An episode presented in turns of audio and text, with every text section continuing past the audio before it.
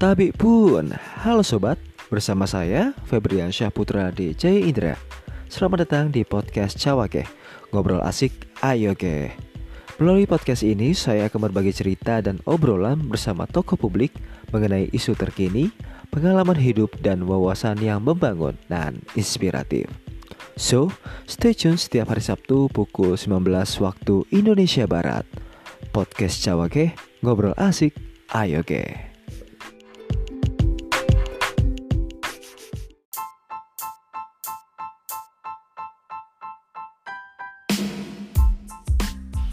Tabi pun, halo sobat, kembali lagi bersama gua Febrian Syah Putra DJ Indra di podcast Cawage. Ngobrol asik, ayo ge. Nah, di podcast perdana kali ini gua bakal ngobrol-ngobrol dengan salah satu wanita yang sangat menginspirasi nih para pemuda di seluruh Indonesia. Nah, wanita ini merupakan kelahiran dari tanah Jawa, tepatnya dari daerah Jawa Timur. Penasaran siapa dia? Ini dia, karena ini dia Nurlita. Halo Kak, apa kabar? Halo, alhamdulillah baik. Gimana Feb kabarnya? Alhamdulillah baik sih Kak, walaupun tadi dikabarin nih Kak ya.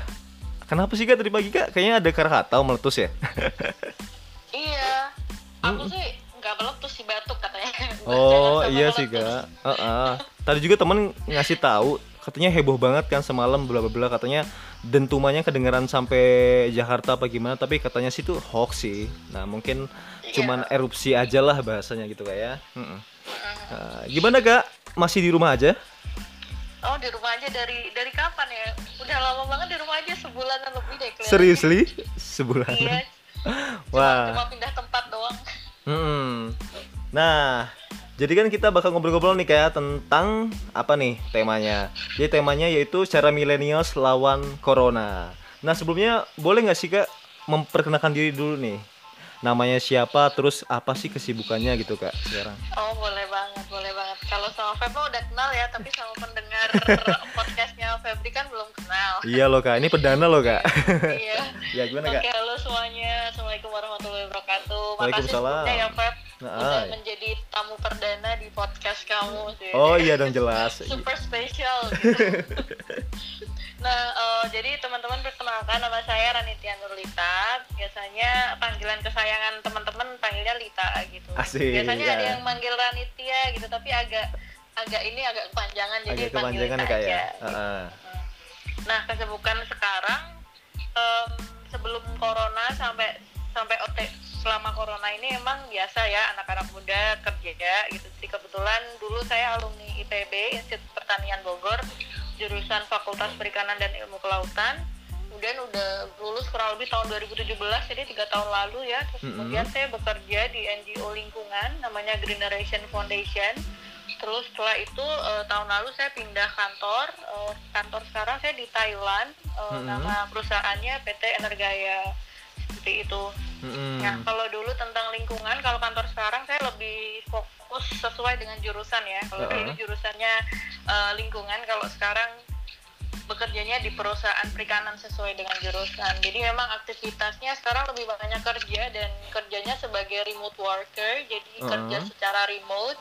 Mm-mm. Terus dan sekarang juga sedang mengembangkan bisnis sosial yang bernama Waste Solution Hub. Jadi pengelolaan sampah yang Mm-mm. terintegrasi melibatkan para pemulung seperti itu. Oh, Itu sih gambarnya wow. kesibukannya.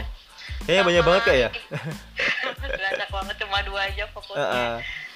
Betul. Kak, kalau boleh tahu tadi kan eh, itu kan membedakan ya para pemulung. Kalau boleh tahu itu pemulung di daerah mana tuh kak? Kalau boleh tahu nih kak. Pemulungnya di daerah Jurang Mangu di Tangerang.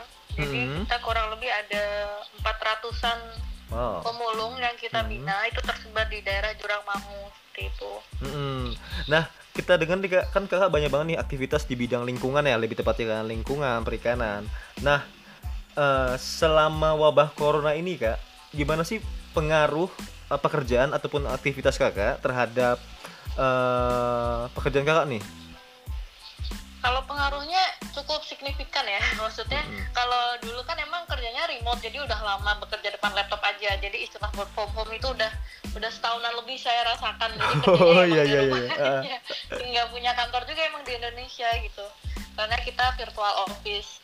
Nah, mungkin dampaknya lebih ke yang sedang saya kembangkan ya di di Waste Solution Hub. Soalnya Mhm. kan eh, biasanya kita handle sampah-sampah event ya. Event-event mulai dari em, pameran, terus kemudian event-event seminar dan sebagainya sampah kita kelola dan melibatkan pemulung.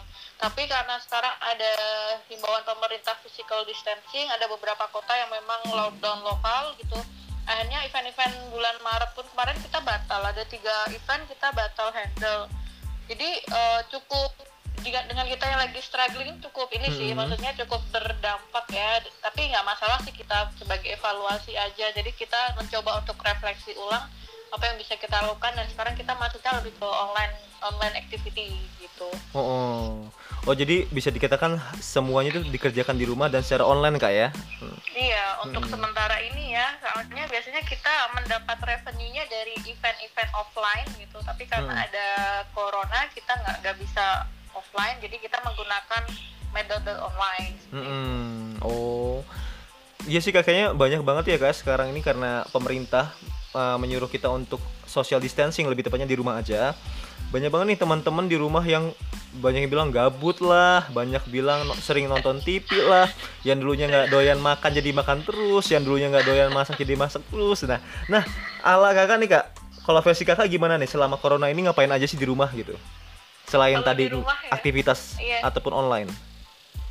Kalau di rumah yang pasti, jadi aku nih, aku sekarang udah stay di Jawa Timur. Heeh. Kalau du, em, tiga minggu lalu saya aku masih stay di Jakarta. Terus kemudian sama orang tua disuruh pulang sebelum Jakarta makin parah kamu nggak bisa pulang. Akhirnya aku pulang pas dulu di Jakarta belum rame-ramenya gitu. Heeh. akhirnya pulang dan sekarang stay di rumah kan. Nah yang biasanya aku lakuin ya di rumah pasti kerja ya kalau di hari-hari biasa. Jadi jam Hmm. 8 sampai jam 5 terus habis itu yang aku lakuin sih ya biasanya tuh ini apa namanya em, ikut em, online class. Jadi Uh-huh. banyak banget online class secara gratis. Itu banyak banget sampai aku pengen ini pengen itu pengen itu gitu. Jadinya soalnya em, yang kita dapat tuh banyak gitu. Jadi aku juga Uh-uh. lagi ikut em, summer course. Bukan summer course ya sorry Em, kayak course secara gratis dari Harvard jadi Harvard itu ya Harvard University dia lagi banyak eh, online courses yang gratis gitu Hmm. Nah, karena aku fokus di lingkungan, jadi aku ambil online coursesnya yang di bidang perubahan iklim,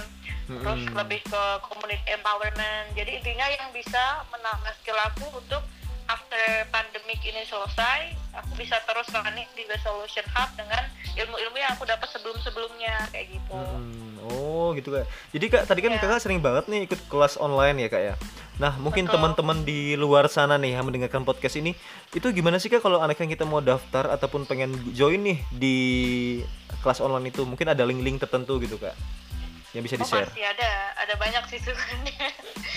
Jadi kalau yang di Harvard tuh aku ikut coursesnya itu dari teman-teman bisa cek aja di online um, terus dash.learning.harvard.edu kayak gitu. Hmm.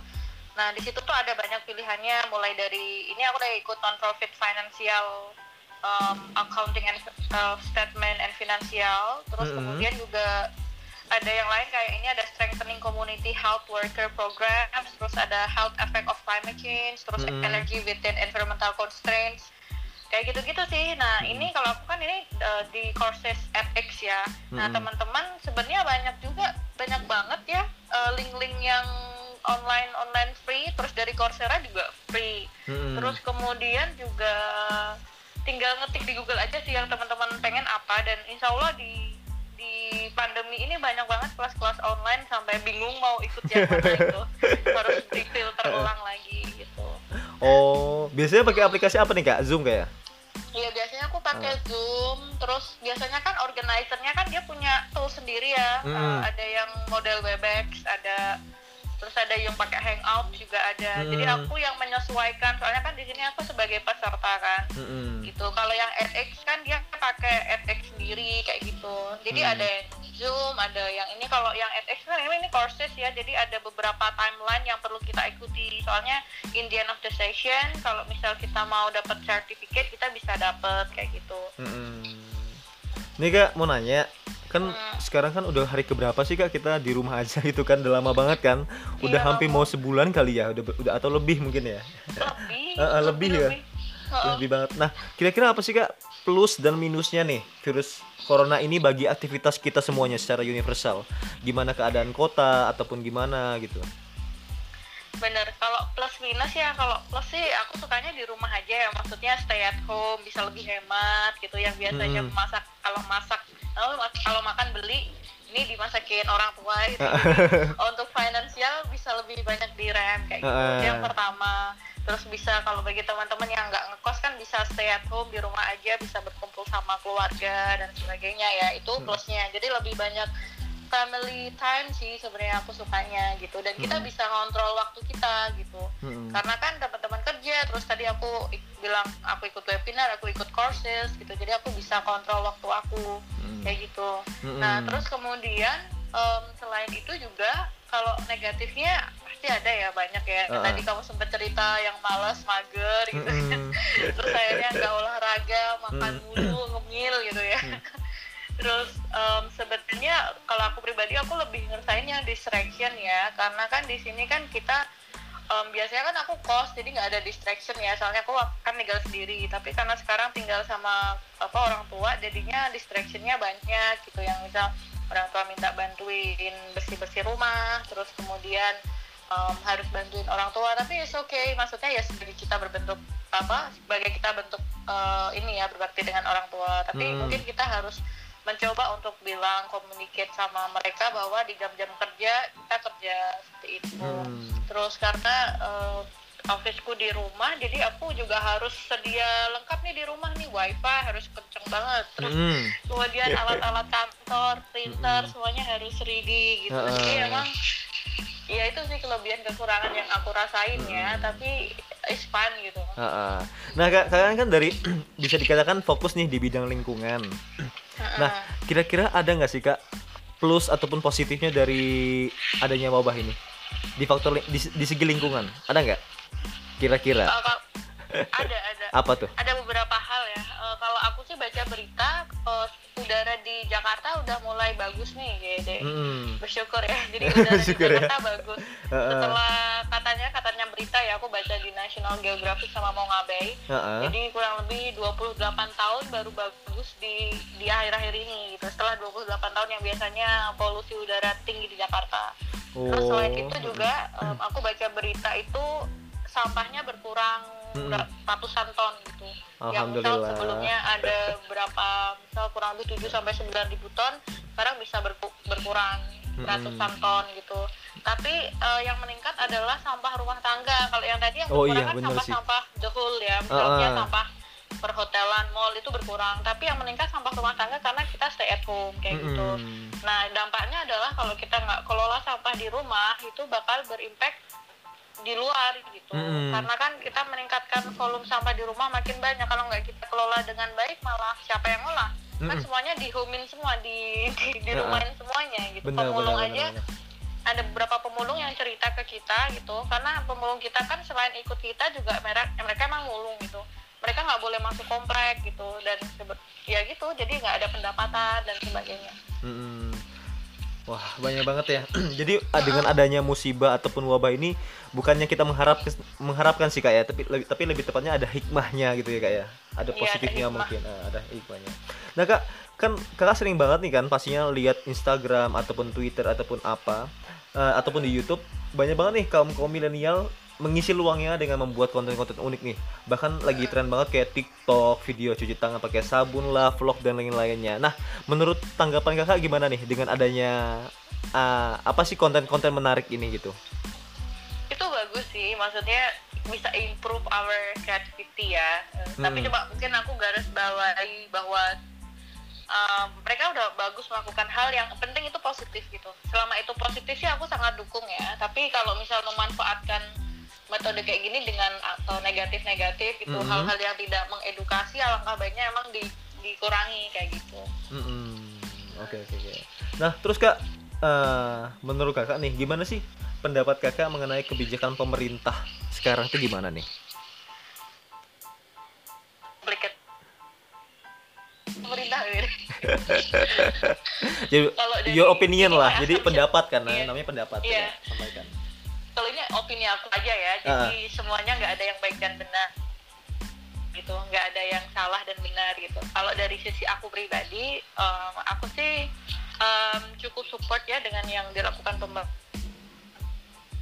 uh, ini uh, PSBB yang di, di area Jakarta terus ada beberapa inisiatif uh, pemerintah daerah yang melakukan lockdown lokal gitu. Jadi memang sudah bagus. Cuma terkadang dari masyarakatnya sendiri yang masih bandel gitu. Jadinya hmm. sih gitu gitu. Misal aku di Jakarta kemarin tuh udah super aware gitu dengan wabah covid ini gitu jadi mencoba untuk memitigasi se semitigasi mungkin kayak gitu hmm. tapi waktu balik ke kampung di rumah wih, masih banyak yang berkeliaran masih banyak yang nongkrong gitu kan hmm. emang emang harus tegas sih maksudnya tegas tidak hanya level pemerintah level atas maksudnya nasional tapi untuk pemerintah level bawah misal dari lingkup RT atau kelurahan itu emang harus di dipertajam banget soalnya yang hmm. Yang keluarga paling rendah kan keluarga uh, unit rumah tangga ya jadi memang Pak RT kelurahan tuh harus getol gitu hmm. gitu Oh iya iya benar kak. Gitu. Nah terus gini kan kak ya, terus kan banyak banget nih sekarang istilah istilah yang digunakan pemerintah ataupun masyarakat katanya lockdown lah, karantina wilayah lah, PSBB lah. Nah menurut kakak nih dari tiga kebijakan itu, kakak lebih pilih mana dan apa alasannya? Lebih suka yang karantina wilayah ya. Uh -uh. Kenapa dari situ karena wilayah kan unit bisa dibilang unit kecil ya dibandingkan hmm. yang misal lockdown lockdown itu kan the whole country ya hmm. gitu dan itu bisa ngefek dan pukul rata lah bahasanya kayak gitu hmm. ya bahasanya pukul rata uh -uh. kalau karantina wilayah kan maksudnya lockdown lokal ya kalau aku hmm. nangkep ya gitu jadi uh, sesuai dengan kondisi dari wilayah itu sendiri gitu misal aku kan karena di Bojonegoro gitu jadi aku pengen tahu nih gimana untuk pemerintah sekarang karantina karantina uh, wilayahnya tuh udah sejauh apa gitu hmm. jadi kalau aku sih prefer dari karantina wilayah atau lockdown lokal ya bahasa bahasa bahasa ininya bahasa lebih kerennya gitu hmm. Hmm. Uh, jadi PSBB sih uh, uh. banget sih kenapa udah, kan sekarang kan Pak Bapak Jokowi kan sekarang nih kak apa uh, menerapkan kebijakan PSBB nih. Kenapa kurang iya. setuju nih kira-kira? Bukan kurang setuju sih, udah telat aja. Oh, oh gitu. Seharusnya ditanggulangi jangan sampai sekarang kan udah more than 3000 impact oh, oh, positif bener. ya positif, gitu. Yang ya. meninggal aja tiga tiga tiga ratusan. Jadi it's mean that uh, 10% setelah ambil aja kasarannya 30% yang meninggal eh sorry 10% yang meninggal gitu hmm. jadi itu termasuk gede gitu kenapa nggak dari dulu dulu aja yang, keras gitu maksudnya PSBB-nya memang dari awal gitu hmm. terus yang pemerintah daerah di, diwajibkan untuk melakukan per, karantina wilayah atau lockdown lokal gitu hmm. agar mereka identify ekonomi-ekonomi apa aja yang perlu dibatasi dan sebagainya gitu Bener banget sih kak. Mengenai tadi yang ke PSBB karantina wilayah ataupun lockdown kayaknya walaupun pemerintah sekarang menerapkan kebijakan PSBB tapi kayaknya juga ada beberapa sih kayak kayaknya daerah-daerah yang mengada yang apa ya menerapkan karantina wilayah ataupun lockdown. Jadi menurutku juga kayak terkadang banyak masyarakat yang mungkin uh, mengikuti peraturan daerah yang masing-masing itu deh kak. Aku nggak tahu juga sih tapi di daerahku nih tepatnya di Bandar Lampung itu ada beberapa RT RW yang ngadain karantina wilayah jadi di uh -uh. tapi masku ya apakah ini melanggar aturan ataupun apa aku nggak tahu. Yang penting positif aja deh. Intinya mereka ada inisiatif untuk apa ya bahasanya agar tidak memutus tali rantai wabah corona kali kak ya. Iya betul. Uh, aku juga setuju sih. Uh, uh. terus nih kak kan banyak sekarang kan virus corona ataupun yang sering, yang sering disebut covid-19 bisa menjadi bahan ataupun bahasan darurat nih bagi seluruh dunia kan kita tahu juga nih kak kemarin-kemarin tuh bahkan dulu ada virus MERS ya virus SARS. Nah kenapa sih kak virus corona ini bisa menjadi topik yang lagi hangat-hangatnya bahkan topik dunia gitu dibandingkan topik ataupun virus lainnya gitu kak? Kalau aku baca-baca ya jadi sempat beberapa hari ini aku penasaran aja buat sejarah tentang virus terus sejarah tentang apa pun soal corona itu. Terus aku dapat berita yang unik maksudnya artikel yang unik tentang Spanish flu jadi flu Spanyol gitu yang itu terjadi dua hmm. tahun 1918 sampai 1920 gitu dua hmm. tahun dan case nya sama gitu dan aku lihat um, dokumentasi terus total yang meninggal akan ada sekitar 50 juta orang wow iya gitu. banyak jadi banget kalau, itu kalau aku lihat sih sebenarnya death ini merupakan hampir sama di kondisi Spanish flu Mm-mm. 100 tahun lalu gitu. Jadi alangkah baiknya sebenarnya dunia itu belajar dari sejarah gitu. Makanya kalau Presiden Soekarno kan bilang jas merah jangan lupakan sejarah Mm-mm. gitu. Jadi sebenarnya ini hal yang menarik karena COVID-19 ini gitu kan hampir sama sih dengan case Spanish flu yang orang-orang tiba-tiba batuk terus kemudian besoknya meninggal dan sebagainya gitu Mm-mm. jadi kalau menurut aku sendiri ya em, kenapa sih ada virus corona dan sebagainya mungkin ini salah satu kan ada yang bilang beritanya ada yang ini senjata biologi dan sebagainya kayak aku sih aku bukannya eh, seudon atau apa ya tapi ya itulah itu bahasanya ilmuwan mah terserah gitu tapi alangkah Mm-mm. baiknya kita yang yang ya udah udah terlanjur kan berarti udah ada virusnya gitu nah sekarang yang bisa kita lakukan adalah mem- mencegah itu agar tidak sebanyak case-nya yang Spanish flu yang sampai 50 juta orang kayak Mm-mm. gitu. Jadi jadi ya ya udah ada udah terlanjur ya udah gitu. Jadi gimana baiknya yang orang pintar yang bisa bikin vaksin silahkan beruji coba gitu. Kalau bagi kita yang tidak bisa apa-apa gitu ya menu- menuruti perintah pemerintah terus kemudian juga membaca sejarah bagaimana mereka memitigasi virus ini.